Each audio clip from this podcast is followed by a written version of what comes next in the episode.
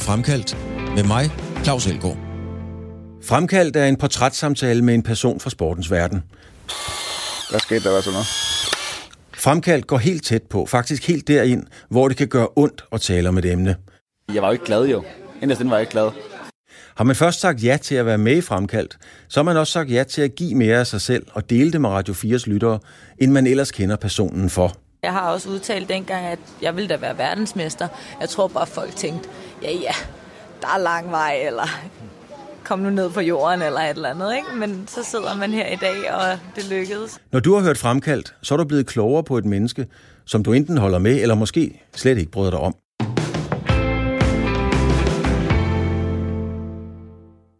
Nikolas Dalby er uden tvivl en meget atypisk MMA-kæmper. MMA er jo den sport, hvor man slås i et bur foran millioner af tv-seere og tusindvis af tilskuere. MMA er helt sikkert en af de hårdeste sportsgrene, der overhovedet findes. Nikolas Dalby er med på højeste niveau internationalt, og han er uden tvivl en hård nyser, der ikke bare sådan giver op. Men Dalby er også sårbar. Han gik ned med en depression, og det kostede ham mere energi at gå ud og tage et bad, end det gjorde at kæmpe i buret. Hør Nikolas Dalbys historie lige nu i Fremkaldt. Du lytter til Radio 4. Nikolas, øh, jeg blev sgu overrasket, da, da du åbnede døren. Jeg har jo fulgt din karriere, og, og, men så mødte jeg bare en fuldstændig stille og rolig mand, der talte i et øh, helt roligt tempo. Du levede slet ikke op til alle de fordomme, der måtte være om MMA-kæmper, bokser eller fodboldspillere for det sags skyld. Øhm, er du sådan, som du åbner døren, eller er du så professionel, så, så du, nu skal du interviewes, Dalby? Nå, nej, altså da jeg åbnede døren, der var, der var vi ikke, gang, ikke i gang med at optage, så der var det jo bare at, at møde øh, den mm. person, der skulle interviewe mig. Øh, nej, altså jeg tror bare lige i dag, der er måske sådan lidt søvn. Okay. så det kan, det, kan, det kan selvfølgelig også spille lidt ind på, øh, på, på min sindstilstand, men nej, altså jeg, Ja, jeg tror, jeg som udgangspunkt er, som du mødte mig, meget nede på jorden. Og er meget øh, afbalanceret, meget, meget, øh, meget rolig. I hvert fald for det meste af tiden. Ja. Jeg kan selvfølgelig også komme i et røde felt, eller, eller blive, uh, blive opstemt, eller, eller andre ting. Ikke? Ja. Men jo, til hverdag, så, så er det meget stille over det. Vi sidder et sted øh, i København med en fantastisk udsigt. Jeg vil selvfølgelig ikke fortælle, hvor du bor, fordi det kommer ikke nogen ved, men vi har en fantastisk udsigt ud over noget vand. Øh, virkelig, øh, virkelig... Øh, ja, man bliver bare bjergtaget af at sidde og kigge på den her udsigt. Havde du regnet med at skulle sidde sådan et sted som her, hvis du kigger en, ja, tilbage til din barndom?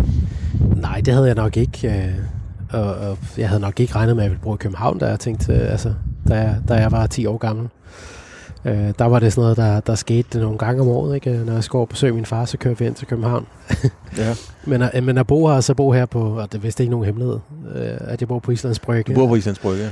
Øh, det, det er jo bare fantastisk. Ja. Men også på en, øh, på en god matrikel. Altså, ja, det må man sige. Ja, øh, der, der, må være gode, øh, der må være gode penge i at, at, at dyrke MMA. ja, det skulle man tro. Altså, det, er, det er en lejelejlighed, vi bor i, så altså, det er ikke... Øh, fordi jeg, vi har været heldige at komme ind det her sted her, så betyder det ikke, at... Øh, at, at jeg bare tjener kassen og, og lever i sus og dus. Altså, jeg har, jeg har ikke en bil, for eksempel, så, så det er ikke... Øh, det, har, det har været en prioritering, vi, øh, vi valgte, øh, min forlovede og mig, eller kone er det nu. Ja. Ikke? Hustru. Hustru. øhm, at, at vi, det betyder meget for os, at, at vi har, vi bor et sted og, og, og har et sted, hvor vi føler os rigtig godt tilpas, hvor nærområdet er rigtig dejligt. Mm. Og her der bor vi 200 meter fra Amagerfællet, som ligger lige derovre, og vi har vandet lige her, og udsigt ud til vandet. Øhm, det betyder mere for os, end at, end at for eksempel have adgang til en bil. Mm. Så, så det var bare den prioritering, vi valgte. Da du var, øh, da du var knægt, altså nu er du MMA-kæmper, og, det er, øh, og, og du kæmper i, i de fineste rækker med de bedste i verden, og det er en af de ultimativt hårdeste sportsgrene, det er der overhovedet ikke nogen tvivl om. Øh, hvis man tager voldsomt i MMA, så er det lidt anderledes end at tage badminton. Ja. kan, kan, kan man roligt sige. Øh, hvornår, øh, hvad, hvad ville du være, da du var knægt? Altså var du en af de knægte, der slås i skolegården, og allerede der fandt ud af, at det var du faktisk ret god til? Nej, nej, tværtimod, så tror jeg, at alle de gange, jeg var i sådan noget, der kunne minde om en fysisk konfrontation, så var jeg den, der sådan, i går så en tabte. Mm. Ikke fordi der var ikke kamp til liv eller død dengang, men, men der blev skubbet lidt måske, eller sådan noget, ikke? Ja. Øh, og der var det altid mig, der tabte de, de sådan udvekslinger, der var. Øh, ja, det, det tydeligste minde, jeg har haft om, at jeg gerne ville være noget specifikt, det var, da jeg gik i, øh, i 9. og 10. klasse, og var, havde en periode, hvor jeg var meget optaget af, af militær og, og jægerkorpset. Ja. Øh, så der gik jeg en periode og havde en eller anden øh, idé om, at jeg skulle være jægersoldat. Og Du har, du har, det kan jeg fortælle lytterne, du har sådan en, en camouflage jakke på nu. Øh, Det har ikke noget med det at gøre. Det, den, den drøm er for længst den er for længst øh, ja, ja. ja. Men det var det, du ville. Du ville være, du ville være jægersoldat, ligesom øh, mange andre drenge jo, du gerne ville. Ja, og så, så, så baseret udelukkende på det, så, så fortalte min studievejleder mig i 10. klasse, at så var det en god idé at gå på HTX. Og så søgte jeg derind og droppede ud efter to år, fordi det overhovedet ikke var det, jeg ville.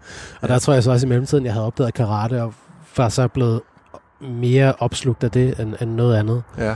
Øh, så allerede fra, fra den gang, hvor jeg sådan har været ja, gået i første 10. klasse, første G, Ja. der var kampsporten begyndt at fylde så meget af mit liv, men det var ikke en kampsport, jeg kunne leve af, men, men på en eller anden måde, uden at jeg kunne sætte ord på det dengang, så, så kunne jeg mærke, at det var det, jeg bare allerhelst ville. Hvad var det, der fascinerede dig ved, ved kampsporten? Til at starte med, der var det, der var det at, at man kunne bruge det til at forsvare sig selv. Ja. Da jeg gik i 10. klasse, der blev jeg mobbet. Øh, Hvorfor blev du mobbet? Jeg tror, det var en blanding af, at, at jeg var sådan lidt, lidt nørdet og atypisk gik meget op i, i mountainbike, og det var der stort set ingen andre i hele Sønderborg, der gjorde, Nej. tror jeg. øh, og, og, og var måske sådan lidt, hvad man kunne kategorisere som kikset. Mm. Øh, og så kombineret med, at, at jeg ikke rigtig kunne holde min kæft heller, hvis, hvis, jeg, hvis der var nogen, der sagde noget, som ikke var, var færre, eller, eller behandlede nogle af de andre fra klassen øh, på en dårlig måde, så, så, altså, så holdt jeg mig ikke tilbage. Nej. Øhm, og det skal lige siges, at jeg gik i en, en ren drengeklasse og, i 10. Og, og drenge, når de er i den alder, altså, så, så er de måske ikke så... Så, så er de måske øh, ikke så velreflekteret, og, altså, og jeg tror, halvdelen af dem, der gik i klassen, ikke, de havde valgt det, fordi de ikke vidste, øh, hvad fanden de ellers ville, øh, udover at løbe rundt og stjæle knaller der, eller mm. hvad fanden de ellers øh, kunne finde på. Ja. Sidde og ryge, ryge tjal i, øh, i fritiden, ikke? Så Ja. havde deres øh, forældre sagt, at du skal gå i skole. Ja. Så havde de valgt 10, ikke? Så, så, det var, så det var sådan en ret broet flok af kun drenge i den der 15 års alder, ikke? ja. Så, så der var godt gang i butikken. Men var mobningen, var det også, øh, fik du, fik du nogen på ørerne, eller? Nej, ikke, altså jeg har aldrig fået decideret tæsk. Nej. Øh, det har jeg aldrig på noget tidspunkt i mit liv prøvet, udover, hvad kan man sige, professionel henseende. Øh, men nej, det begyndte bare at blive fysisk på den måde. Øh, der, der var sådan en, en bestemt episode, jeg husker, hvor, hvor øh, mindre detaljer, men det havde regnet rigtig meget, så der var sådan en kæmpe stor sådan nærmest sø, fordi der var et stoppet afløb ude for en, øh, for en skole, Ja. hvor, hvor der var nogle brosten, og det buede meget ned, ikke? så der var nærmest sådan en lille sø, og der, jeg kan ikke huske, hvad der ledte op til det, men jeg blev taget, altså en person tog mig i hver arm og ben, øh, så sådan fire-fem personer, der tog fat i mig og bare kastede mig ud i, i den der sø der ude foran skolen, lige da alle havde fået fri. Ikke? Okay. Og altså, det er jo ikke, altså, det er jo ikke noget, jeg er gået i stykker af på den måde. Nej, men det satte Men- sin præg. Jeg kan bare huske, at det fik mig til at tænke, at nu den der idé, jeg havde haft om at gå til kampsport i nogle år, at, at, at det blæser lidt her. Ja, det blæser lidt, men... Øh, at, øh, at nu var det ligesom tid til at, øh, at gøre det og starte til kampsport. For jeg har gået lidt og tænkt på det i nogle år. ja. Øh, og det var ligesom katalysatoren. At Ja, nu, vil jeg, nu vil jeg lære at forsvare mig selv. Jeg vil ikke nødvendigvis lære at give nogen bank. Nej. Det kunne selvfølgelig være fedt nok, hvis man blev trængt op i et hjørne, og der var nogen, der, der lavede et eller andet, og man så kunne, kunne lave noget sejt tilbage.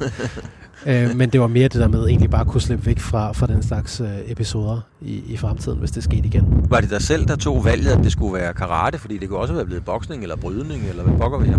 Ja, det kunne det. Øhm, nej, men altså, jeg snakkede med min... Øh, grund til, at min fascination for kampsport var startet, det var, fordi min mor havde mødt min stedfar nogle, nogle år tidligere. Øhm, og han havde trænet rigtig meget kampsport. Og, øh, og han har fortalt mange historier om det, han havde trænet. Mm. Øh, det lød meget spændende, og når man er sådan, hvad Ja. ved jeg, 11-12 år, så, så har man måske sådan en, en tendens til at gøre tingene større op i hovedet, end, end de måske har været. Ikke? Ja. Det lød i hvert fald ret fantastisk. Men det var, den, den form for kampsport kunne man ikke træne længere i Sønderborg. Nej. Og så, så foreslog han karate, som han mente var det, var det mest oplagte. Men, men øh, du dyrker så, øh, jeg har selv dyrket karate i mange år, men du vælger så en, en karateform, hvor man faktisk slår på hinanden. Øh, mange ville have valgt noget Shotokan karate, med alt respekt for Shotokan karate, hvor man, der måske ikke er så meget kontakt. Ja. Øh, men du springer lige ud i det og siger, okay, det skal gå ondt fra start af. Øh, nej, men det var bare den eneste karateform, der var, og det, det var den form for kampsport, min øh, stedfar havde anbefalet, så det var jo bare sådan, det var. Ja. Det var det, jeg skulle træne. træne. så det var, ikke, der var, det var ikke sådan noget med, at jeg undersøgte at læse bøger om forskellige karatestilarter og sådan noget. Det var, det var bare sådan lidt, det var den mulighed, der var i Sønderborg. Der, jeg tror, der var, der var boksning, der var taekwondo, og der var karate og brydning. Ja. Så, så blev det bare karate. Hvornår finder du så ud af, at øh, altså, du slår hårdt af helvede? Hvornår finder du ud af, at øh, her ligger der muligvis noget mere end bare træning? Jamen, det fandt jeg ud af efter øh, tre måneder. Øh, der var jeg til en... Øh, efter, efter tre måneder, der var jeg til en, øh, min første turnering. Ja. Og der fik jeg en tredjeplads. Så, øh, så det var jo meget godt, efter at have trænet i tre måneder. Og, øh, og jeg tror også, det var sådan, det rygtedes ligesom. Så der var heller ikke rigtig flere konfrontationer i, øh, i skolen, mm-hmm. efter, det skete. øhm, Nej, det skaber noget ro. Ja, præcis. Øh, og så tænkte jeg bare, nå, det gik det jo meget godt egentlig. Og, og jeg har jo aldrig været god til at hvad kan man sige, slås i folkeskolen. Så det er ikke noget, jeg har følt, der ligger naturligt til mig. Så det var også lidt sådan en, altså der er stillet op til konkurrencen, det var lidt sådan en at prøve at se min, en af mine svagheder i øjnene. Ja. Øhm, ligesom folk, der måske er bange for højt, og de prøver at springe, springe øh, elastikspring, eller, eller springe ud fra et fly, og springe faldskærm, ikke? Mm-hmm.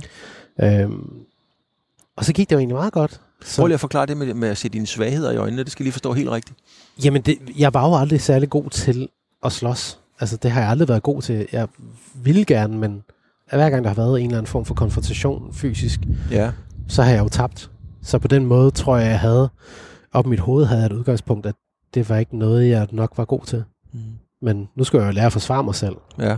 Så tænkte jeg, det, jeg er jo også nødt til at prøve at få det til at virke i en eller anden form for konkurrencesituation, for at vide, om jeg også ville kunne bruge det ja. øh, uden, altså i, i selvforsvarsøje med. Øh, og så var det jo bare meget bekræftende, at, jeg, at, jeg, at det rent faktisk lykkedes mig at få en tredjeplads. ja, ja. Men hvad med, som du selv siger, du var en nørd, øh, og karate er meget disciplineret. Altså, kunne du godt øh, indordne dig? Kunne du godt være en del af, af det meget stramme hierarki, som det er i, i, i karate? Jeg tror, det var rigtig godt for mig, øh, faktisk. Øh, på det tidspunkt, øh, jeg havde fået to søskende, og, og, og jeg husker ligesom tilbage på den del af min ungdom, som at mine forældre var meget optaget af dem. Ikke at, ikke at det var ligeglade med mig, men, men det var, jeg blev, jeg vil ikke sige, at jeg blev overladt til mig selv, men, men jeg havde i hvert fald meget frie rammer. Ja. Øh, så jeg tror, det passede mig rigtig godt på det tidspunkt i mit liv at komme ind i en sportsgren, hvor der var, hvor der var så meget disciplin og, øh, og struktur. Mm. Øhm, det har i hvert fald været med til at give mig nogle, nogle rigtig gode værktøjer senere hen i livet, som jeg kunne bruge. Men hvad gik du øh, og, og fiflede med oven i hovedet i forhold til, hvad du skulle være? Altså? Jamen igen på det tidspunkt, der tænkte jeg noget med noget militær, det kunne være fedt. Ja, det, var, det var stadigvæk militæret der. Ja, ja fordi ja. det var stadig den der 15 år, 15, ja. 16 års øh, periode der, ikke, hvor ja. jeg startede. Ja. Og har du, du har aldrig været andet indenover, altså hvor du tænker, okay, jeg skal være ingeniør, eller jeg skal have en cykelforretning, eller hvad pokker vi her? Ja, nej, sjovt, sjov, du siger cykelforretning. Jeg har jo cyklet i mange år, så, så det har også været sådan, cykel, øh, cykelmekaniker har også været sådan en af de, øh, de ting, jeg har været i erhvervspraktik som i folkeskole. ja. øh, så det har også været en overvejelse. Men nej, altså, hvis der har været nogle andre konkrete ting, jeg har tænkt, jeg skulle lave, ud over kampsport, så har det været fotojournalist. Ja. Ja. Men det er først noget, der er kommet efter jeg flyttede til København. Men hvorfor har du så ikke blevet det? Fordi at øh, jeg hellere vil slås. ja. Professionelt. Professionelt, ja. Øhm, du har også fortalt, og, og vi ved, du røg ind i, øh, nu tager vi et ordentligt spring på tidslinjen, Nicolas. Du ryger ind i en depression på et tidspunkt. Ja.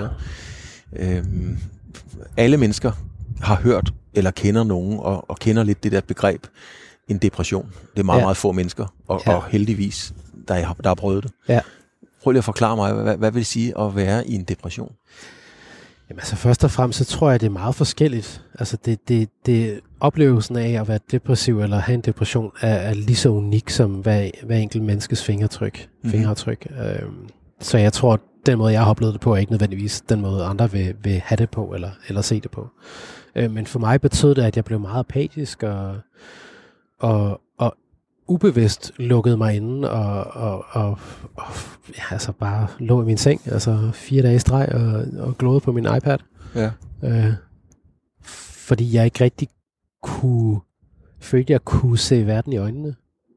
Øh, det var ikke sådan den måde, jeg havde det dengang. Der var det mere bare sådan, og der var, der var det det, jeg havde energi til. Ja. Men jeg følte mig bare energiforladt og, ja, og træt hele tiden. Man, man snakker meget om det her med at være selvmordstroet og sådan nogle ting. Havde du så nogle tanker? Nej, det havde jeg ikke. Slet ikke? Det havde jeg ikke. Nej. Hvad kom? Hvor- Hvorfor blev du deprimeret? Jeg mener, ja, okay, vi er op- og nedtur i livet, men altså, Ja, ja, hvor, præcis. Hvor, hvor, hvorfor rammer den dig? Jamen, og, og det var nok, altså da, da det stod på, der tænkte jeg også bare, det er jo bare, altså, vi har jo alle sammen op og nedtur, Mhm. mm. ikke? Så nu skal jeg bare lige tage mig sammen, agtigt, men Ja. ja. det tog sig lige et år, før jeg kunne finde ud af at gøre det. Ja. Øhm, jamen, jeg, jeg tror, øh, hvad kan man sige, øh, frøet, der blev sået til depressionen, det, det startede, da jeg havde mit seneste fuldtidsjob øh, tilbage i, ja, hvornår stoppede jeg der, i 2014. Øh, det var meget stressende. Øh, der skete mange øh, store ændringer på arbejdspladsen over kort tid, og, øh, og virksomheden formåede ikke rigtigt at, øh, at følge med øh, i forhold til arbejdsgange og, og ressourcer øh, personalmæssigt. Øh, så, så, da, så da jeg stoppede der, så tænkte jeg, ah, nu, nu får jeg jo tid til bare at træne og slappe af. Ja. Øh, men, men der var, der var sådan det, det, det, det frø af stress allerede sået rigtig dybt. Ja. Øh, så der skulle allerede dengang i 2014 nok have været mere til, end bare at jeg fik ekstra tid.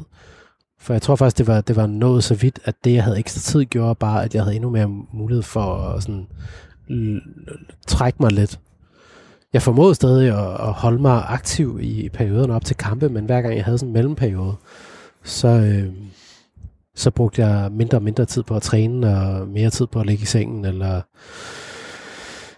øh, ja, eller tage ud og feste, ikke? fordi jeg så følte, at det var ligesom den måde, jeg kunne, kunne få mit energiniveau op på igen. ja. Ved at tage ud og se nogle folk og, og drikke en øl eller en cocktail.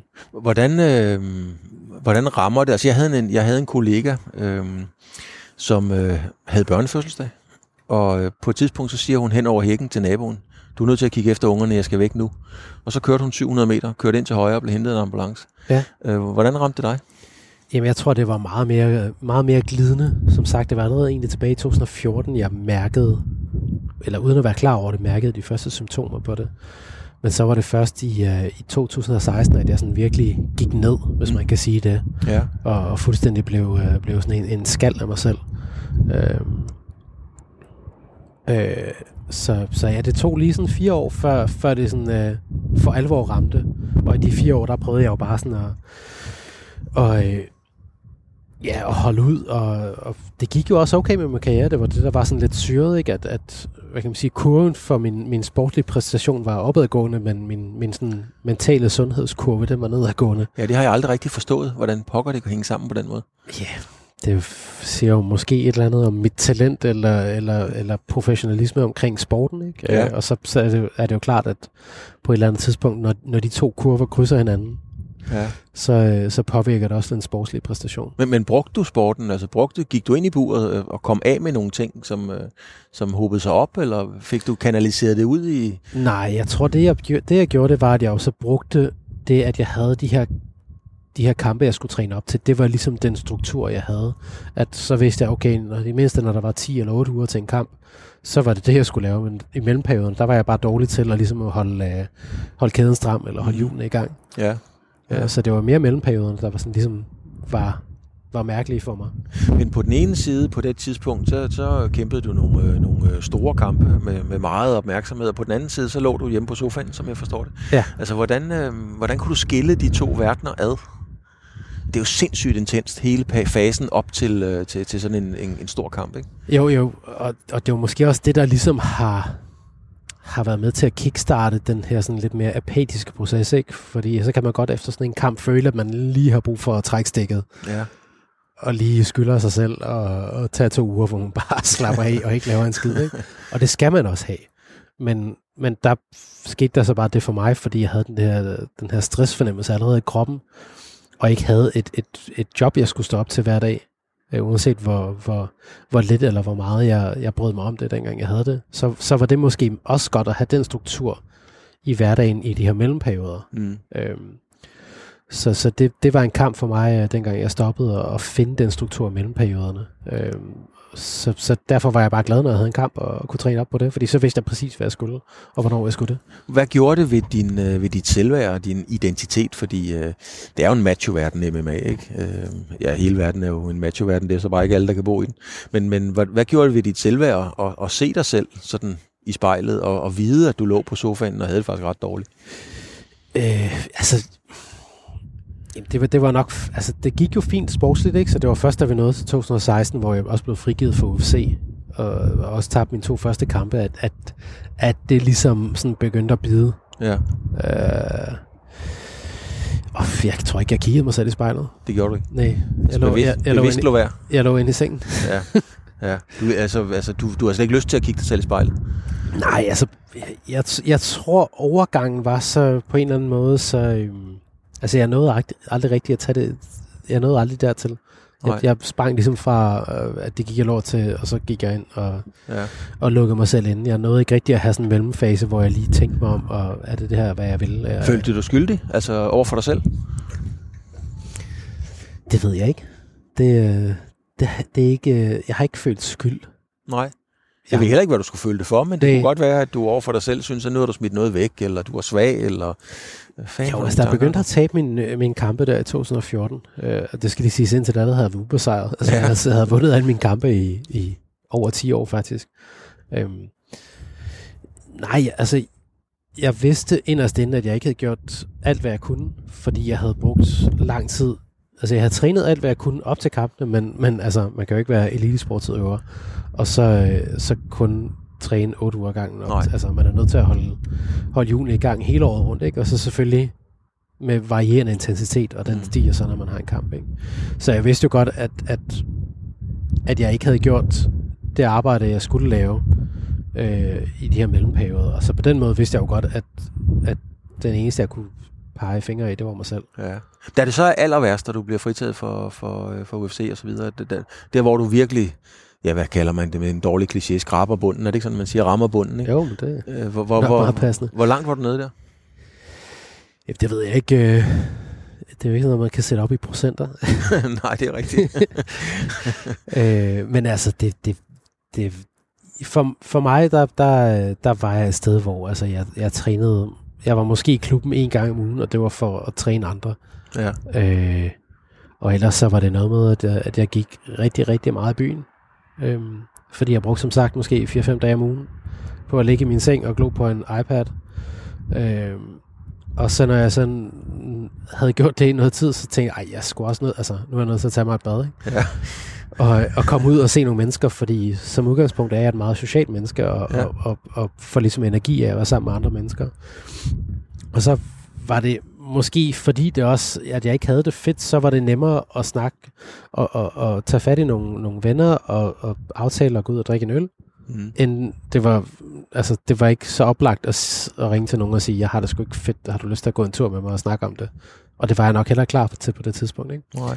Så det, det blev noget med at, at, at skrive til nogle venner, om vi skulle tage og drikke nogle øl, og, og ja, intentionen var ligesom, at, at det bare skulle være det, men hver gang så eskalerede det bare og blev til sådan en eller anden, altså fuldblæst øh, bytur til klokken 5 om morgenen. Øh, og hvor jeg, altså, det, og til sidst var det sådan noget med, at jeg kunne, kunne stå og, og, og sms'e til, altså, og det var så tidligt om morgenen, jeg var ude, så jeg kunne skrive til, til, til venner, jeg havde, ikke havde set i, i fem år måske, om jeg ikke lige kunne låne 500 kroner, så jeg kunne, altså, Ja. øh, og det var jo så, fordi jeg så ville gerne ville købe nogle flere shots, eller, Ja. eller nogle flere Bacardi Breezers. altså, det var fuldstændig åndssvagt, og det var egentlig også dumt at grine af det, ikke? Men det jo nok, når man ser tilbage på det i bagspejlet, så virker det så åndssvagt. Men altså, det var der, jeg var. Det var der, du var. Ja. Men så ligesom, at, øh, at da du melder dig til karateklubben, der, der, der, der knækker man ligesom linjen og, og går i gang. Hvornår knækker linjen, hvor du ligesom siger, Nikolas, prøv lige at høre, Marker, det her, det går ikke. Hvad, hvad, hvad sker der, og hvornår er det, du ligesom siger, enten dør det eller også så må skulle komme videre? Jamen, det, øh, det kom meget, meget pludseligt og meget tydeligt, da, da, min, øh, da min kone og jeg fandt ud af, at vi skulle øh, have et barn. Ja. Det, det fik mig til at stoppe op og tænke, okay, altså, som, som jeg har det nu, der er jeg jo ikke i stand til at være far. Det var du, det erkendte du. Ja, det, det kunne jeg ikke. Altså, jeg kan ikke, altså, kan jo ikke forberede mig til at skulle være far og være far, og så have et liv, hvor, hvor, altså, hvor jeg går så meget i byen, altså, Nej. for eksempel, ikke? Eller, øh, og har så lidt overskud, som jeg ellers havde. Så, øh, så, så jeg tænkte, og, og plus at jeg tjente ikke voldsomt mange penge på det tidspunkt. Øh, så, så min første tanke var sådan, okay, jeg, jeg, hvis jeg gerne vil være, hvis jeg gerne vil kunne tjene nogle penge til min familie, hvordan kan jeg gøre det nemmest? Okay, altså om ikke andet, altså på, og på det tidspunkt ville jeg selvfølgelig gerne tilbage til UFC, men jeg tænkte bare, okay, så kan jeg jo, jeg har nogle gode kontakter i Cage Warriors, så kan jeg vist tjene nogle okay penge der. Så kan jeg få mig Jesus job, Mm. og så, så, så er det økonomiske fundament ligesom sikret. Øh, øh, men så havde jeg jo selvfølgelig også stadig nogle ambitioner om at, at, at vise verden, hvad jeg egentlig var i stand til, kampsportsmæssigt, som jeg ikke mente, at jeg ligesom havde fået udtrykt, øh, dengang jeg, jeg var aktiv inden det. Øh, så jeg tænkte, at jeg har jo stadig den her drøm, og den er ikke slukket endnu. Så, øh, så kunne man jo på den måde slå to fluer med et smæk, tjene nogle penge til familien, og, øh, og gå i gang med sådan at, og, øh, og, og komme tilbage til at kunne, øh, kunne vise, hvad jeg kan rent sportsligt. Så det var, sådan et meget tydeligt øjeblik. Hvordan har du det med mennesker som øh, piver? Altså, øh, og nu snakker vi piver. Altså, øh, ja, et eller andet. Så er det slået knæet, eller også så er det, var det nogle forkerte fodboldhold, der vandt og sådan nogle ting. Med, med det, du har været igennem inden mente. Jamen, alt er jo relativt. Mm. Så man kan sige, det, jeg, jeg kan jo aldrig fortælle, jo selvfølgelig kan man godt op i sit eget hoved tænke, at okay, den her person er måske lidt overfølsom. Men på den anden side set, at altså, jeg tror, de fleste folk, de er nok ret ærlige omkring, øh, hvad de synes er, er, er noget, der gør ondt eller ej. Så hvis den her person ikke har prøvet en, en, en værre smerte i sit liv, end, end det, der ligesom giver den effekt, de, de nu har, som de piver over, mm. så, så, så, altså, så, så er det jo bare deres referenceramme, der, der ikke er stor, og det kan de jo ikke gøre for. Øh, altså, det, det er jo, sådan, sådan er det bare. Det er jo, det er jo ligesom, at, at jeg kan jo godt sidde her og, og synes, at det er fucking nedtur, at jeg tabte min sidste kamp, Mm. og det bare var noget lort, og jeg har det pisse under mig selv, ikke? Men det kan jeg jo aldrig sammenligne med en, der bor i, øh, i et krigshavet land i Afrika, og er bogstaveligt talt er nødt til at kæmpe hver dag for bare få mad, ikke? Altså, så, så det handler jo altid om perspektiv og reference øh, og tidligere erfaringer. Altså, havde jeg nu haft den oplevelse, så ville jeg jo nok også have, have oplevet øh, de ting, jeg har i mit liv med, med et andet øh, synspunkt. Øh, Der er noget, du er nødt til at forklare, Niklas. Nu har vi talt i 29 minutter og 21 sekunder. mm. Og lytterne og mig har nok svært ved at forstå, hvordan et så afbalanceret og reflekteret menneske som dig kan gå ind i den der øh, i det der bur øh, med det eneste for øje, ikke at slå modstanderen ihjel, fordi det ved jeg godt, men, men det ligger jo sådan lidt i instinktet, altså nu er det liv eller død derinde-agtigt, Ja. sådan billedligt talt, ikke? Ja. Hvad fanden sker der oven i skallen på dig, når du kravler derind i forhold til, når du sidder her og drikker kaffe med mig? Jamen altså, det, det er klart, jeg, jeg er et lidt andet sted Ja, mentalt, inden jeg og kæmpe. Ikke? Der, der er jeg sådan lidt, eller nej, faktisk måske, måske i bogstaveligste forstand, der er jeg klar til at gå i krig. Ja. Altså sådan rigtig krig. Ja. Øh, selvfølgelig ved jeg godt, at det ikke drejer sig om liv eller død. Så tror jeg aldrig, jeg vil gøre det. Nej, Altså, nej. for mig er MMA en sport. Øhm, egentlig kunne det for mig lige så godt have været badminton eller curling. Øh, der, der, men der er det her ræset, og det er det, jeg går ind og, og, og, og, og konkurrerer under. Men, men, men Nicolas, det er sådan meget nemt at sige, at det kunne lige så godt have været badminton eller curling. Ja. Men rent faktisk kunne det have været badminton eller curling. Ja. Det kunne det godt. Ja. Hvorfor? Altså, Altså, jamen, nu endte jeg bare med at, at, gå til kampsport og synes, at det var fedt, og det fandt jeg ud af, at jeg havde talent for. Jeg havde nogle, nogle fysiske forudsætninger, der gjorde mig god til det. Mhm. Og, og så fandt jeg så også nogle mentale forudsætninger, som åbenbart har gjort, at, at jeg også præsterer ret godt, når jeg kæmper. Øhm, så altså, det er, jo, det er jo ligesom at spørge en fodboldspiller, hvorfor han spiller fodbold, eller dem, der spiller curling, hvorfor gør de det? det, det nogle gange er det tilfældighed, og andre gange at, at, har de haft en idé om, de gerne vil gøre det, og så har de gjort det. Øhm, men men hvor, hvorfor kan man hvorfor kan man mere lide ACDC, end man kan lide uh, Ace of Base? Altså, Ja. men jeg tænker bare, hvor finder du... Okay, du siger selv, du er klar til at gå i krig. Men hvor finder du den, øh, øh, den knap, der gør, at du er klar til det? Fordi når du sidder her, så er der jo ikke nogen, der tror, du er klar til at gå i krig. Så vil du sige, så vil du sige, ham der, han er, det er en god pacifist, ham der, ham tager vi med i byen, så bliver der i hvert fald ikke ballade. ja, det, det, der vil ikke blive ballade, hvis man går i byen med mig, fordi jeg vil bare have, at alle har det sjovt. Ja, jamen det er Øh. præcis. Hvor, så hvor finder du krigsknappen til at komme op i det mode? Fordi ellers har man jo ikke noget at gøre derinde på det niveau. Det er jo ikke, altså, mener, det er jo ikke, det er jo ikke for sjovt. at Altså, der vil, der vil jeg sige, for mig, det ved, kan jeg jo selvfølgelig ikke snakke på alle andres vegne, men jeg, men jeg vil næsten også prøve at sige, jeg vil næsten også sige, at generelt sige, så tror jeg, at de fleste, der, der dyrker kampsport, der kommer det helt automatisk til dem. Hvornår det så kommer, det, det er jo så et spørgsmål, ikke? Men helt automatisk, når du skal ind og slås med en anden mand, Ja. så kommer, så, altså, så, så er du nødt til enten at, at, at kæmpe eller flygte. ja. Og, og, Altså- der, og der fandt jeg så ud af, fra starten, at der havde jeg kampinstinktet, Ja. og ikke øh, flygteinstinktet. Fordi Øhm, det er jo altså, altså det er jo det, den, Så, så det kommer helt af sig selv, det der med at trykke på knappen. ja, fordi man kan sige, at, altså, når, når der er i MMA, øh, det, det kan også være boksning, men altså i kampsport, så ofte er det jo den, den tætteste og mest ærlige afgørelse mellem to mænd. Ja. Det kan også være to kvinder, som man overhovedet kan komme. Det er vel det tætteste, man kommer sine urinstinkter. Det er jo stenaldermanden, der lige pludselig vælter frem. Ja, 100 procent altså. Øhm, og, og det er jo også det, jeg synes, der er spændende ved det. Øhm, men, men jo, altså, det, det er jo det der uinstinkt, ikke? Og, og, så, så for mig er der ikke nogen knap. Jeg, nu er jeg blevet bedre til at forberede mig mentalt på det, men det kommer helt af sig selv. For mig, når jeg, hvis jeg skal ind og slås med, med en anden person, hvis eneste formål i det øjeblik er at rive hovedet af mig, så, så, altså, så er jeg jo nødt til at være på og fokuseret ja. og klar til at gå i krig. Hvor lang tid tager det at bygge den der, øh, den der psyke op? Altså, du, kan du gøre det på kampdagen, eller er det en, en lang proces? Hvor lang tid skal du bruge for at komme i, i krigsmode, havde jeg sagt? Jamen altså, jeg har jo aldrig prøvet at, at tage en kamp på en dags varsel. Nej. Så jeg har jo altid været i de her forløb på 8-10 uger op til en kamp. Måske nogle gange lidt kortere, ikke? Men, men de her forløb, hvor man ligesom har en, en, en måneds tid eller mere til at forberede sig på kampen. Så om, om jeg vil kunne trykke på, på, på knappen og være klar til kamp, hvis jeg havde en dags varsel i forhold til at have en, en måned plus, det ved jeg ikke. Men, så, så der er jo måske noget af forberedelsen, der sker mentalt i, i det forløb op til.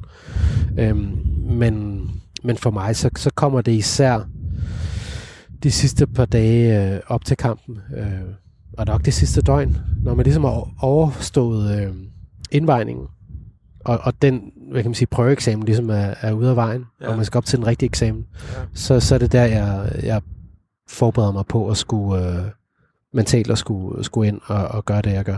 Hvem- Hvem, hvad for en Dalby kan du bedst lide? Altså ham, der er i buret, øh, og nogle gange er det rigtig, rigtig meget blodigt, når du er derinde. Øh, og, eller ham Dalby, som sidder med, med junior øh, og slapper af og spiser Matador-mix og ser X-Factor, som Jamen, groft sagt.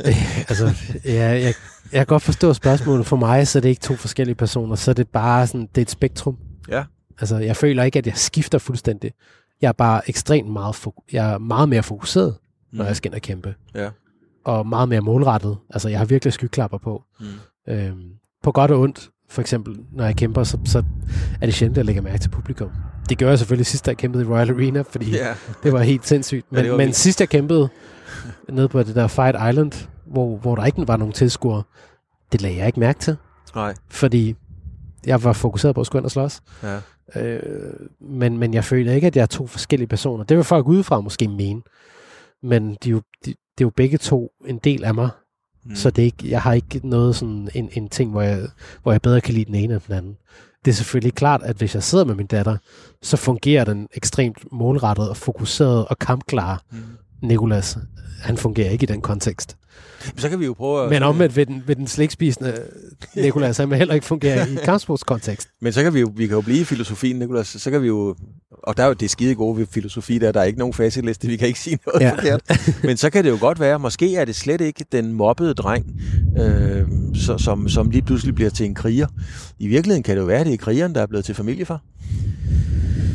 Ja, yeah, det, det, kan, ja, altså, det ved jeg sgu ikke. Altså, jeg er jo bare mig. jeg ved ikke, hvordan jeg lige skal, skal bygge videre på det. Jeg, jeg, det, er jo, det, er jo, det er jo bare mig. Jeg, jeg har bare åbenbart rummer en, en, en masse kontraster og forskelligheder. Ja. Du bliver aldrig bange. øh, Du bliver ikke sådan, ikke bange for dig selv, men sådan øh, overrasket over dig selv, over at du rummer fra den ene ende af spektret til den anden. Altså så ekstremt. Mm, nej, altså, der er måske nogle gange, hvor jeg har set tilbage på nogle kampe, hvor jeg tænkte, hold da kæft, han var godt nok på ham der. Ja. Men, men jeg har jo været der, så, så på den måde, ja, er, er det ikke overraskende for mig, men nu har jeg også været i sporten i lang tid. Det er jo ikke noget, der er sket lige fra den ene dag til den anden. Så, Nej, nej. så det, jeg har også haft noget tid til at vende mig til det. Øhm, en ting er, hvorfor du er fascineret. Det er måske nogle lidt dårlige svar. Nej, det, de er ikke så bombastiske mine svar. Jeg kan godt... Jo, jeg, jeg kan sgu meget godt lide dem. Øhm, en ting er, at du har forklaret, hvorfor du er fascineret af det, og det kan jeg godt sætte mig ind i.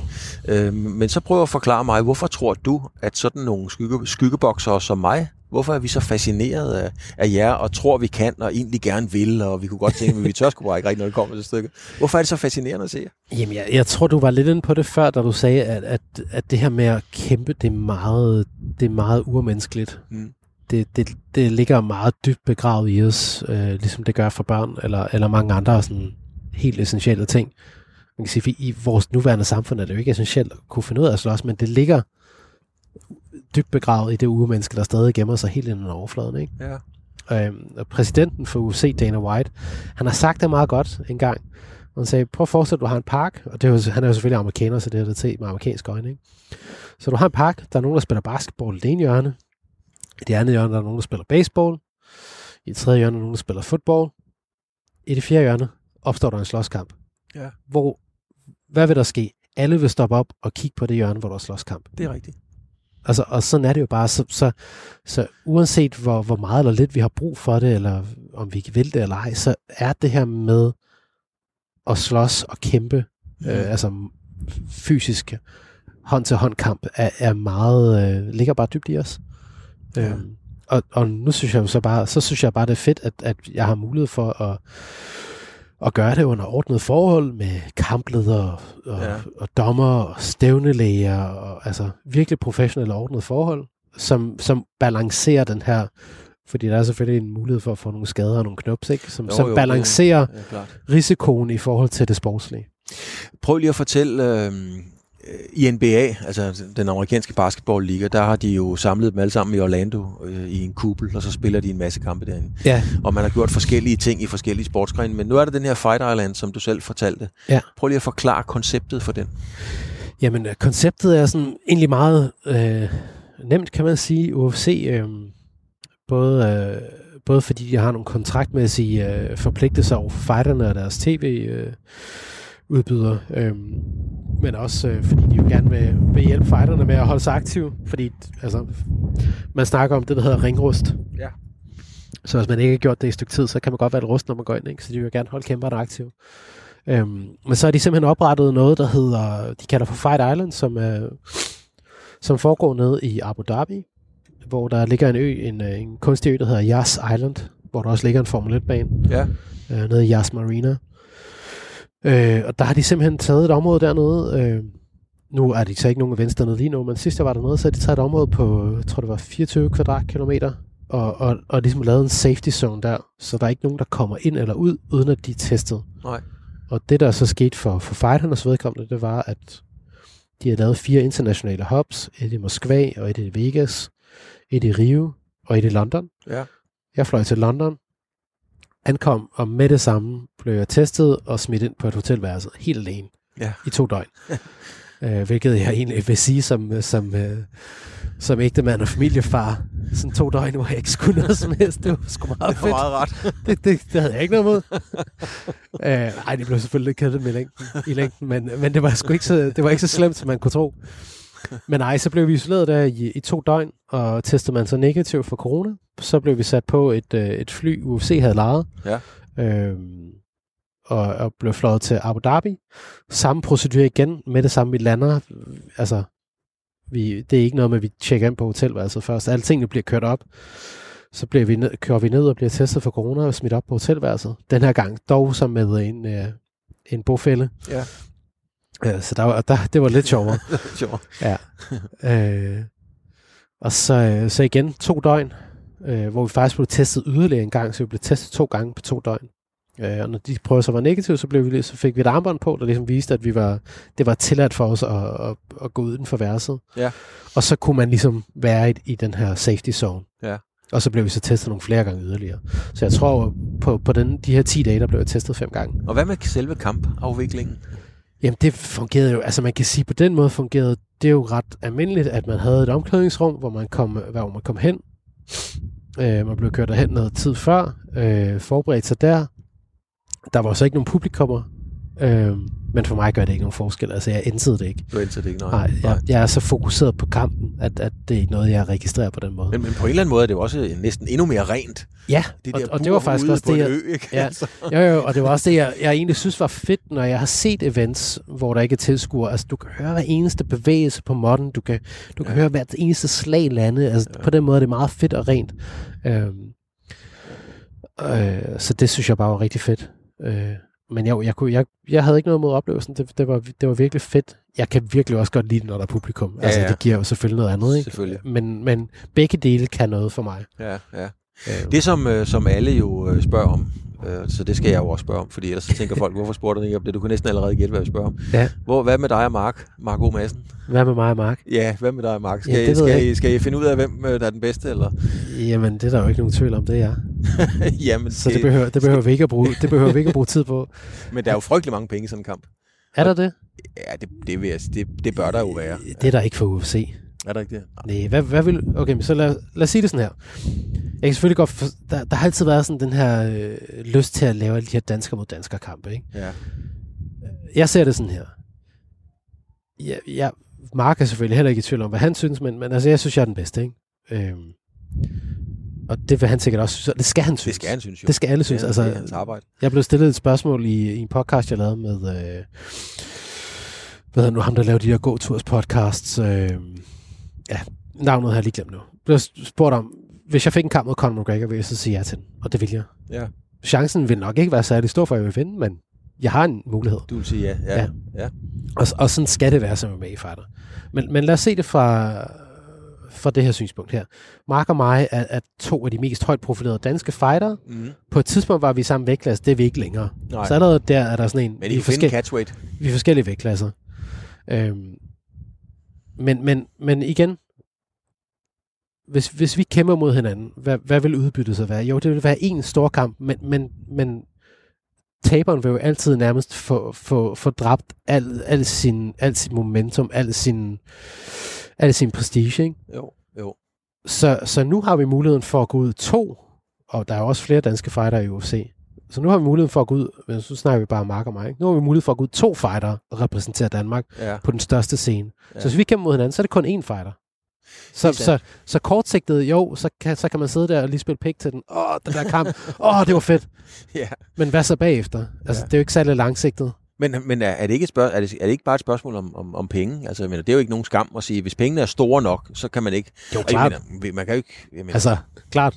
Hvis jeg stod nede på Istegade, og der stod en eller anden, der tilbyde mig 100 millioner for, altså for at give blowjob, så kunne jeg måske godt finde på det. Selvfølgelig vil pengene altid have en betydning. ja.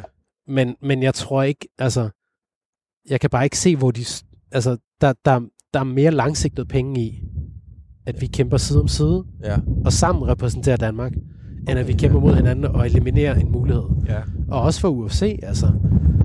For dem er, at, at Danmark i sig selv jo ikke et kæmpe marked. Nej. Europa er, og, og verden er. Så, så, så de vil jo heller ikke have særlig meget lyst til at, at, at annullere en af deres potentielt store kæmpere i, i det marked, øh, for at afholde en kamp, som kun folk i det land er interesseret i. Nej. Altså, så der, der er også flere penge for UFC at tjene, og for Mark og mig hver især, hvis vi bare sammen, side om side, går ud og kæmper. Gå ud og kæmpe, ja. ja. Så, så, så jeg har aldrig helt fanget den der idé med... Jeg kan selvfølgelig godt... Igen, der er sådan umiddelbar hvad man sige, begejstring over at have sådan en dansker mod dansker kamp, men, men jeg har ikke brug for den. Nej, men så havde det været boksning, så snakkede man jo Patrick mod, øh, mod Kessler og så videre, ikke? Ja, ja, og, og de er jo fede at have, hvis vi begge to var de absolut bedste. Hvis nu Mark var champ i lightweight, og jeg var champ i, i, i weltervægt, Ja, så kunne det være fedt at lave det, ikke? ja. Men før vi ligesom er nået rigtig langt op ad stigen, så er det bare sådan lidt omsonst, synes jeg. Ja. Så, så er det bare sådan lidt at, at, at, at fjerne en af, af, de, øh, af, af de repræsentanter, vi har for sporten. Hvad er, Både nationalt og internationalt. hvad, er din, øh, hvad er din gameplan i forhold til karrieren øh, kampmæssigt? Altså forudsat, at det går efter, du vinder dine kampe og så videre. Hvad, hvad, er sådan, hvad, hvad er gameplanen? Hvor mange kampe har du tilbage i dig? Fordi det er jo også et spørgsmål.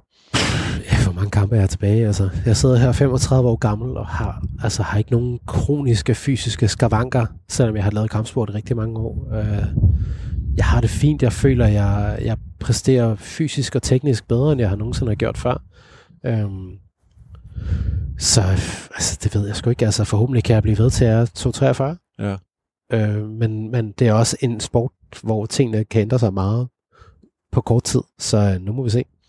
Hvad, øhm, altså McGregor er selvfølgelig alle vil møde Tyson i boksning, øhm, og alle vil møde McGregor. Ja. Og man, der er ikke rigtig Jeg tror faktisk ikke, alle vil møde Tyson i boksning. Jeg tror ikke, alle havde lyst. I nej, det, hvert fald ikke dengang han var på toppen. Når det kom til stykket, så havde Jeg tror, Mæle var stadig, åh, hvem, hvem, trækker, hvem trækker 19? ja, det er rigtigt.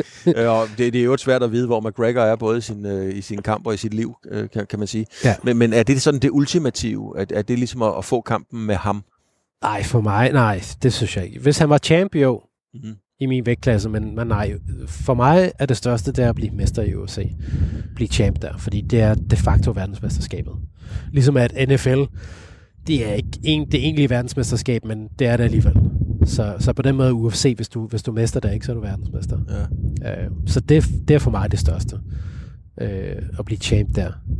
Øh, selvfølgelig hvis, og igen, fordi man ved ikke, hvor Conor er lige nu. Øh, han er jo meget omtalt kæmper, ikke? Men, men han har været ude af... Han har ikke kæmpet i lang tid. Så hvis han nu kommer tilbage, så kunne det være fedt at blive champ og få en kamp mod ham. Ja, ja. Men, men lige nu, der er han sådan lidt Der er, der er en lidt på et tidsspor. Mohammed Ali sagde engang, at øh, når man har smagt en anden mands sved i 45 minutter, Ja. så kender man hinanden. Ja. og, og man smager jo en anden mands sved endnu mere, når Ja. I ligger og- når, når I er på gulvet, kan, Det må kan, man sige. kan man sige. Øh, både i fodbold og boksning, øh, der snakker øh, man ofte med hinanden, siger nogle ting, øh, nogle mindre pæne ting. Snakker I også sammen, når I, i, i UFC? Altså siger I noget til hinanden? I, I løbet af kampen? Ja. Jeg gør ikke. Nej, du gør ikke. Jeg har, jeg har travlt optaget enten øh, med at forsvare mig selv, eller uddele øh, øretæver. Ja. Øhm, så jeg gør ikke. Jeg har haft et par modstandere, der har snakket lidt til mig og sådan noget med... Jeg havde en modstander, hvor jeg clinchede ham op mod buret. Han var sådan let's fight like men, og gerne vil bokse, ikke? Ja. Øhm, og der er nogle fighter, der gør det, men det er ikke noget, jeg gør. Og jeg har ikke rigtig, ud over den ene kamp, oplevet, at andre har snakket til mig undervejs. Det er, ikke, øh, det, er ikke sådan, du profilerer dig, kan man sige, eller... Nej, der er jo den her relativt kendte MMA-fighter, der hedder Nate Diaz, Mm. som, er, som også har kæmpet mod Conor, som er meget kendt for at snakke lort undervejs i sin kampe. Men altså, det er, ikke, det er ikke noget, der ligger til mig. Altså, øh, og, så, så det, og det tror jeg også ville sådan, altså, det, det vil, det vil tage mig ud af det fokus, jeg har brug for at være i, når jeg kæmper. Lige præcis det tema der, Nicolas. Altså, når man er UFC, og, og når det er noget med amerikansk tv i det hele taget, så skal man jo være en, en profil. Altså, man skal være en, som folk enten håber vinder, eller håber taber. Det hjælper i hvert fald. Det hjælper rigtig meget, ikke? Men, men, øhm, men umiddelbart synes jeg ikke, det er sådan... Du minder ikke om et, et menneske, der har behov for ligesom at, at råbe op på tv og profilere dig på den måde, men det er jo en del af gamet. Hvordan, hvordan håndterer du det? Jamen altså, det er jo, det er jo sådan en... Øh, det er et godt spørgsmål. Altså, der, der, man, man vil jo gerne, hvad kan man sige... MMA er, er jo en sport, men en underholdningssport. Så derfor hjælper det rigtig meget, hvis man kan profilere sig selv Mm. øh, på en anden måde, end alle andre gør. Ja. Og der var Conor jo, Conor McGregor jo rigtig god til det, for eksempel, fordi han, han formåede at snakke og lave det her trash talk på et helt andet niveau, end man havde set før Ja. nogensinde, måske i al sport. Mm. Øhm, men det var troværdigt. Og så kom der efter ham, så kom der nogle, nogle, hvad kan man sige, nogle folk, der kopierede ham. Men hvor det faldt igennem, fordi at det ikke var troværdigt. Fordi det ikke var sådan, de var egentlig som mennesker. Jeg tror, det Conor han har gjort, han har fundet en del af hans personlighed. Og man kunne også se det, dengang han kæmpede i... Øh, før han kæmpede i UFC, kæmpede han i noget, der hedder Cage Warriors. Så man kan tilbage og se de kampe, der, der, der kan man se det samme. Mm. Så det, jeg tror, han har gjort, han har taget en del af hans personlighed, som han kunne se og mærke, at, at det gav ligesom pote, og så skruede han den op til 11. Ja. Og, øh, men, men fordi det var ham, som udgangspunkt var det en del af hans person, så fungerer det, og så er det troværdigt. Og han Ja. er god til det. Ja. Men en, der ikke har talent for det, eller, hvor det ikke ligger naturligt til personen, der, der vil det falde fuldstændig igennem, hvis han prøver at gøre det samme som Conor McGregor. Altså tænker du på, hvis du gjorde det for eksempel? Hvis jeg gjorde det for eksempel, ja. det ville ikke fungere. Øh, Måske, altså godt nok har jeg gået til drama i ungdomsskolen, men, men så god skuespiller er jeg heller ikke. Måske ville jeg kunne få det til at fungere, men det tror jeg ikke. Men når det nu er det der Og, store og, show, og det vil kræve, altså for Conor, der kræver det ikke ekstra energi, fordi det er sådan, han er. Ja. Så derfor vil det også, udover at, at jeg vil være dårlig til det, så vil det også kræve ekstra mentale ressourcer at skulle gøre det, Mm. som vil trække fra de, den, det fokus og energi, jeg skal bruge på kampen. Så, så, så jeg tror for mig, der handler det, og plus at, at hvis alle lige pludselig er ligesom Connor, så er det jo ikke specielt mere. Nej, så er det ikke klart. særligt. Så det handler om at finde, for alle tror jeg, der, der, der vil skille sig ud, det handler om at finde den del af ens personlighed, som, som jeg netop skiller sig ud, eller, eller er lidt unik, som det lader til, at, at, at øh, der giver opmærksomhed, og så skrue op for den. Ja. Og, og, og alle kan bare ikke være Connor, altså. Altså, fordi igen, hvis alle var Connor, så vil, så vil ingen være Connor. Nej, men altså, han har jo formentlig betydet det samme for, for, øh, for MMA, som Bruce Lee har betydet for karate. Ja, det kan man måske godt sige. ikke? Eller Arnold Schwarzenegger for bodybuilding. Ja, altså, ja præcis. Ikke? Og, og, og, og hvis alle var Bruce Lee eller Schwarzenegger, så ville det jo ikke være specielt mere. nej. Så, så det kan man bare ikke være. Så, så det er et godt spørgsmål, og jeg, jeg vurderer løbende, hvad, hvad jeg sådan ligesom kan skrue på for at, at virke mere interessant på tv, interviews, whatever. Ikke? Men hvorfor og- ikke, øh, eller, eller er, er der nogen, der gør det? Altså, jeg mener, man, man hyrer en træner, når man skal øh, slå sit hook. Øh, man hyrer en anden træner måske, når man skal arbejde på gulvet. Og, Mm. Så hvorfor ikke hyre en træner, der ligesom lærer dig, giver dig nogle, nogle, nogle værktøjer til at optræde på tv og, og, og, og rent kommercielt blive en figur? Jamen, hvem siger, jeg ikke har det? Jamen, det siger jeg heller ikke, du ikke har. Nej, jeg, jeg, har, jeg har nogle kommunikationsrådgiver, som jeg arbejder med. Okay. Men, men igen, vi kan, vi, kan jo ikke, vi kan jo ikke fundamentalt lave om på, hvem jeg er som person. Så det, vi arbejder med, det er at, at forstærke de dele af min personlighed, som falder mig naturligt, men som også skiller sig ud. Ja. Så, så det, det, det er sådan... Det er da en ting, der er meget sjov, øh, eller, eller meget påfaldende, Nikolas, det er, at øh, altså nu bliver jeg jo ikke bange for dig, fordi at, øh, jeg ved godt, du kunne smide mig ud ned i havet herfra, hvis du havde lyst, så det, det, er, ikke, det er jo ikke den styrkeprøve, men, men, men man kan godt se, når du tænder, altså lige tænder, så kommer det der blik i øjnene, hvor, hvor der er rigtig mange, der lige tænker, af, hvad skete der lige der? Ja, fedt. Er du Eller- bevidst om det? Øh, hvis det er sket lige nu her, mens vi sidder og snakker, så nej. Altså fordi, for når jeg for eksempel spørger dig om Mark, så skal jeg, hvad skal jeg med Mark? Hvad skal jeg med ham? Så Nå, jeg nej, lige det med er det også- samme, ikke? Det er også bare fordi, det er sådan et åh, spørgsmål. Alle stiller det, og det er bare så, for mig er det så unødvendigt, så jeg tror, det, der, der er det mere sådan en, en irritations... Øh, Ja. ja. hvad, hvad så med det? Altså, fordi for mig er der ikke noget. Nej. Jeg, har ikke, jeg synes, han er vildt sød. Altså, jeg Men synes, det er det der, det der er interessant, det er det der klik, altså hvordan du Ja. lynhurtigt kan, kan, Men kan sådan, switche. det, vil, det vil du ramme med de fleste, hvis du stiller med spørgsmål, der rammer en eller anden nerve. Mm. Og her der er det bare sådan et irritationsmoment, fordi ja. for mig er der ikke noget. Nej, Altså, jeg har, ikke, jeg har ikke noget beef med ham. nej. Jeg synes, han er skidesød, hver gang jeg møder ham, så, så har jeg det fint med ham i hans selskab. Ja. Altså, så, så jeg har jo ikke noget imod Mark, og jeg har som sagt heller ikke lyst til egentlig at tage for hans shine, Nej, Nej, for tage for hans muligheder Nej. for at, at, at gå ud og repræsentere Danmark. Tværtimod, så synes jeg bare, det er fedt, ikke? Så Vi nærmer os så småt. Øh. Vi- en del af programmet er, at jeg skal tage et billede af dig. Det er Ja. derfor, det hedder fremkaldt. Nå, for fanden. Og, øhm, og så skal du fortælle mig, det er et helt stille og roligt billede her. Øhm, og så skal du fortælle mig, hvad det er for et, øh, hvad det er for et menneske, vi ser her. Ja, det er jo selvfølgelig dig jo, men, men også sådan, øh, hvor er du i, i, i livet på det her billede? Hvad, hvad er det for en mand, der sidder der? Jamen, jeg sidder og, er ved at, at, at genopbygge min karriere. Af, s- jeg troede, det skulle være smooth sailing. Har lige fået et nederlag i min seneste kamp mod en person, som jeg tror 95% af alle bookmaker havde mig til at vinde over. Ja. Så det er en person, der, der stadig er meget målrettet og, og fokuseret og ikke i tvivl om sine evner, men som også lige skal, skal fordøje, at selvom jeg ved, hvad jeg kan og, og hvordan tingene skal gå, så er det ikke sådan, at universet altid øh, synes, at det skal gå. Så, så det er en person, der sidder lige der og, øh, og holder fast i sin drøm. Og, øh, Er du, er du i balance? Altså, det er jo en anden... Øh, ja, det er, det er jo ikke en mand. Nu har vi talt om din depression. Du, du ligner jo ikke og udstråler ikke på nogen måde en mand, der, der ikke er i balance. Er du i, i, i lige så meget balance i livet og med dig selv, som du udstråler på det her billede? Det synes jeg.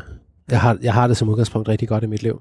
Mm. Og, øh, og nu har jeg lært, og hvis der kommer noget modstand, så, øh, så kaster jeg ikke håndklædet i ring, men så, øh, så omgrupperer jeg og, øh, og kører videre. Men, men skal man ikke... I, I boxing, der bruger man jo det der med, at man skal være hungry. hung, altså stay hungry. Det er jo Mhm. lige fra Rocky-film til, til den virkelige verden, ikke? Ja. Øhm, tabte du den kamp? Måske fordi, at, at du ikke er sulten på samme måde. Fordi du er sat. Du er, du er et godt sted i dit liv. Overhovedet ikke. Nej, det er ikke noget med det. Jeg at lavede en, en taktisk og teknisk fejl, som, øh, som i den her sport kan betyde rigtig meget. Mm. Så, så det handlede ikke noget om, om, hvorvidt jeg var sulten eller ej. Jeg har helt klart et lån, jeg gerne vil betale af på med, med nogle penge for mine kampe, så, så allerede der rent, rent basalt økonomisk, så, øh, så vil jeg gerne ind og udrette lidt mere, men, men også altså kampmæssigt, altså det, jeg, jeg har haft kæmpet uafgjort med, med, med Darren Till, som, som har kæmpet mod mesteren i væltervægt, og, og også lige nu har haft en kamp mod den tidligere mester i, i mellemvægt. Og selvfølgelig har vi begge, han har udviklet sig siden, så, så man kan ikke sidestille den kamp dengang tilbage i 2015 med, med hvor langt jeg nødvendigvis skal komme i dag, men altså, det siger alligevel lidt om, hvad for et niveau jeg har. Og de, der gik jeg ind til den kamp og havde, havde brug for, at havde lyst til at, at bare sætte mig ned og græde 10 minutter inden, fordi jeg var, der var allerede sådan i depressionens klør. Mm. Så, så hvis jeg dengang kunne gøre det i den sindstilstand, så kan jeg udrette langt mere i dag, og det vil jeg end at vise. Jeg vil fucking ind og være champ i UFC. Det kan godt være, at det aldrig sker, men jeg vil det. Og så må jeg gå ud på mit skjold i, i forsøget på at nå dertil. Øh, jeg har så meget skudret. Så øh, et lille bump på vejen, det, øh, det kommer ikke i vejen for, for de drømme og ambitioner, jeg har.